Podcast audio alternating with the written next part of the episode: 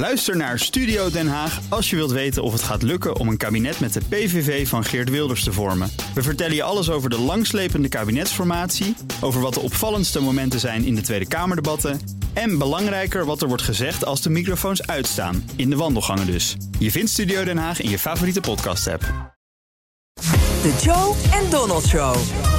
Tijd voor een update over de nasleep van de Amerikaanse verkiezingen met onze correspondent in Washington, Jan Postma. Jan, Rudy Giuliani leidt Trumps juridische strijd om de verkiezingsuitslag, maar de ene na de andere zaak, wat voor, die verliest hij. Wat is zijn plan? Ja, dat, dat vragen de mensen uit de Republikeinse Partij zich ook af. Eh, er zijn nu een dertigtal zaken geweest, bijna allemaal verloren op één na. En het gaat ook behoorlijk chaotisch. Uh, Giuliani stond op een, bepaald moment ook zelf in de rechtbank uh, te pleiten. dat, dat, ja, dat levert ook niet zoveel op. Dus daar is wel veel kritiek op. Giuliani zegt dat hij Republikeinen en ambtenaren in, in de Staten onder druk wil zetten om de uitslag niet officieel te maken. En dat doet hij dan door die rechtszaken, door eigenlijk maar uit te stellen, door te zorgen dat deadlines niet gehaald worden. Dan moet er chaos ontstaan. En dan zou het zover moeten komen dat staten uiteindelijk dan maar hun eigen beslissing gaan maken over die kiesmannen. Zelf kiesmannen aanwijzen of zelf kiesmannen gaan vertellen wat ze moeten stemmen. En dat zou dan in het voordeel van Trump uit moeten vallen. Maar ik zeg meteen maar dat is een enorme long shot. Want het is bijvoorbeeld tegen de wet in Pennsylvania. In Wisconsin past het helemaal niet in de wet. En eh, op dit moment is er ook heel weinig wil om dat te doen in die staten. Ja, en guess who's back? Steve Bannon. Die speelt een belangrijke rol als adviseur van Giuliani. Ja, precies. Daar was hij ineens weer. Uh, die werkte al uh, samen uh, toen het ging over die laptop hè, van Hunter Biden. De, de, New York Post die kreeg toen dat verhaal van... of nou ja, Bannon die tipte dat het materiaal er was. Giuliani gaf toen het kopietje.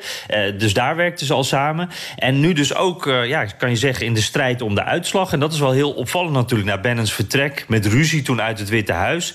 En Bannon is iemand met gevoel natuurlijk voor, voor onvrede die er leeft onder Trump-kiezers ook iemand die weet hoe je daarop inspeelt. Hij kan precies op de juiste knopjes uh, drukken. En, en hij is best extreem in zijn opvatting. Hij is iemand die revolutie wil, die de boel wil afbreken om het weer opnieuw op te bouwen. En het gaat hem dan ook niet om die resultaten in de rechtbank, maar om de achterban. Uh, die moet het gaan doen. En hij zag bijvoorbeeld afgelopen zaterdag die, die grote Trump-mars hier in Washington. Hij zag dat als een grote aanmoediging. We control the streets now.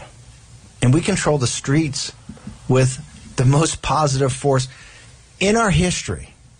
It always turns on the same thing. Jack, we talked about this. This is a fourth turning, always turns on the same thing.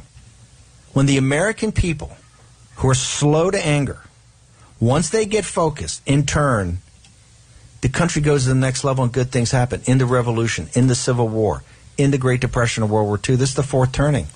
In it's a great awakening. Ja, daar zegt hij nogal wat. Hij vergelijkt het met de, met de revolutie, met de burgeroorlog. We worden niet snel boos, maar als we boos worden. Uh, ja, het klinkt eh, best uh, heftig. binnen de partij zijn ze hier ook niet blij mee. Ook over de rol van Bannon. Want ja, Bannon staat behoorlijk alleen op dit moment. Hij staat ook onder verdenking van fraude. Trump heeft hem nog niet publiekelijk weer omarmd. Dus weet ook niet precies wat hij ervan vindt. En binnen de partij is er gewoon weinig geloof in dit plan. Ze er wordt gezegd van, oh, deze mannen denken dat ze agressief zijn... en dat ze daarmee wat gaan, gaan, gaan losmaken.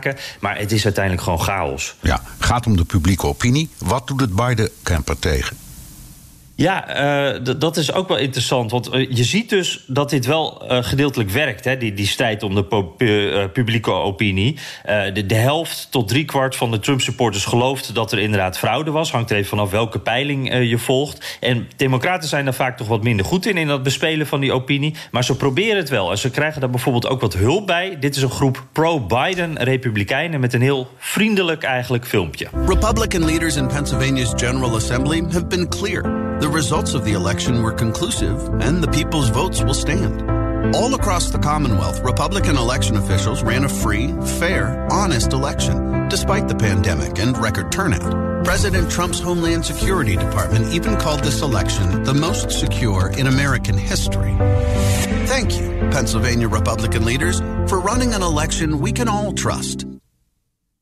Ja, er is geen fraude. De verkiezingen waren eerlijk. En dat is mede dankzij Republikeinen. Dus dit is duidelijk ook aan Republikeinen gericht. Uh, deze is heel anders. Een andere toon van Midas Touch. Uh, dat is ook een actiegroep. Die, die is heel hard en persoonlijk en gericht op Emily Murphy. Zij leidt de GSA. Dat is zeg maar de organisatie die dat transitieproces. waarin Biden wordt voorbereid op het presidentschap. Zij kunnen dat starten. zij houdt dat op dit moment tegen. En, en nou, dit filmpje is voor haar. And now Emily Murphy created chaos by unlawfully refusing to sign paperwork to permit a smooth transition to President elect Biden, placing our lives at risk. What do you see as the biggest threat to your transition right now, given President Trump's unprecedented attempt to obstruct and delay a smooth transfer of power? More people may die. Emily Murphy is a national disgrace. Tell Emily Murphy to sign the transition papers now. Midas Touch is responsible for the content of this advertising. Ja, doet dit dan wel tegen het geweld uh, in de media van Trump, van OAN, van Fox? Dat, dat denk ik niet. Uh, iedereen gelooft toch uiteindelijk wat hij wil, maar het is dus echt weer een strijd om de waarheid. Dankjewel, Jan Postma, correspondent in Washington. Wilt u meer horen over het fascinerende land? Luister dan naar de Amerika-podcast van Jan en BNR ben je altijd als eerste op de hoogte van het laatste nieuws. Luister dagelijks live via internet. Bas van Werven. En heel langzaam komt de zon op rond dit tijdstip. Je krijgt inzicht in de dag die komt op BNR, het Binnenhof in Nederland en de rest van de wereld. De Ochtendspits. Voor de beste start van je werkdag. Blijf scherp en mis niets.